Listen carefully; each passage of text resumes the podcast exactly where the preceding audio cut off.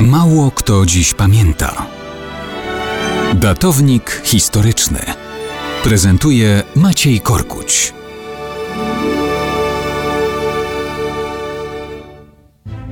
Mało kto dziś pamięta, że kiedyś po rozpadzie Imperium Zachodnio-Rzymskiego w Italii istniało germańskie królestwo Ostrogotów. Jeszcze mniej osób pamięta, że jednym z jego władców był Totila Baduila, powszechnie nazywany nieśmiertelnym. Czy było z tym coś na rzeczy? Hm. Łatwo nie miał. Był VI wiek.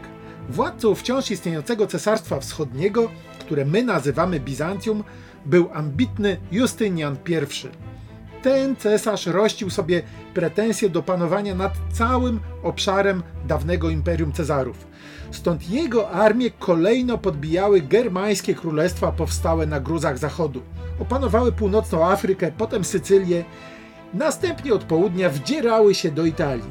Kiedy wydawało się, że cały Półwysep Apeniński jest już zdobyty, Ostrogoci wykorzystują osłabienie bizantyjskich garnizonów i właśnie pod wodzą nieśmiertelnego Totili rozpoczynają powstanie przeciw cesarstwu Justyniana. Sprzyja Ostrogotom niezadowolenie chłopów z rabunkowo wysokich podatków i przywilejów dla elit. Totila tworzy silną armię, zdobywa Rzym, Neapol i w końcu staje się panem całej Italii.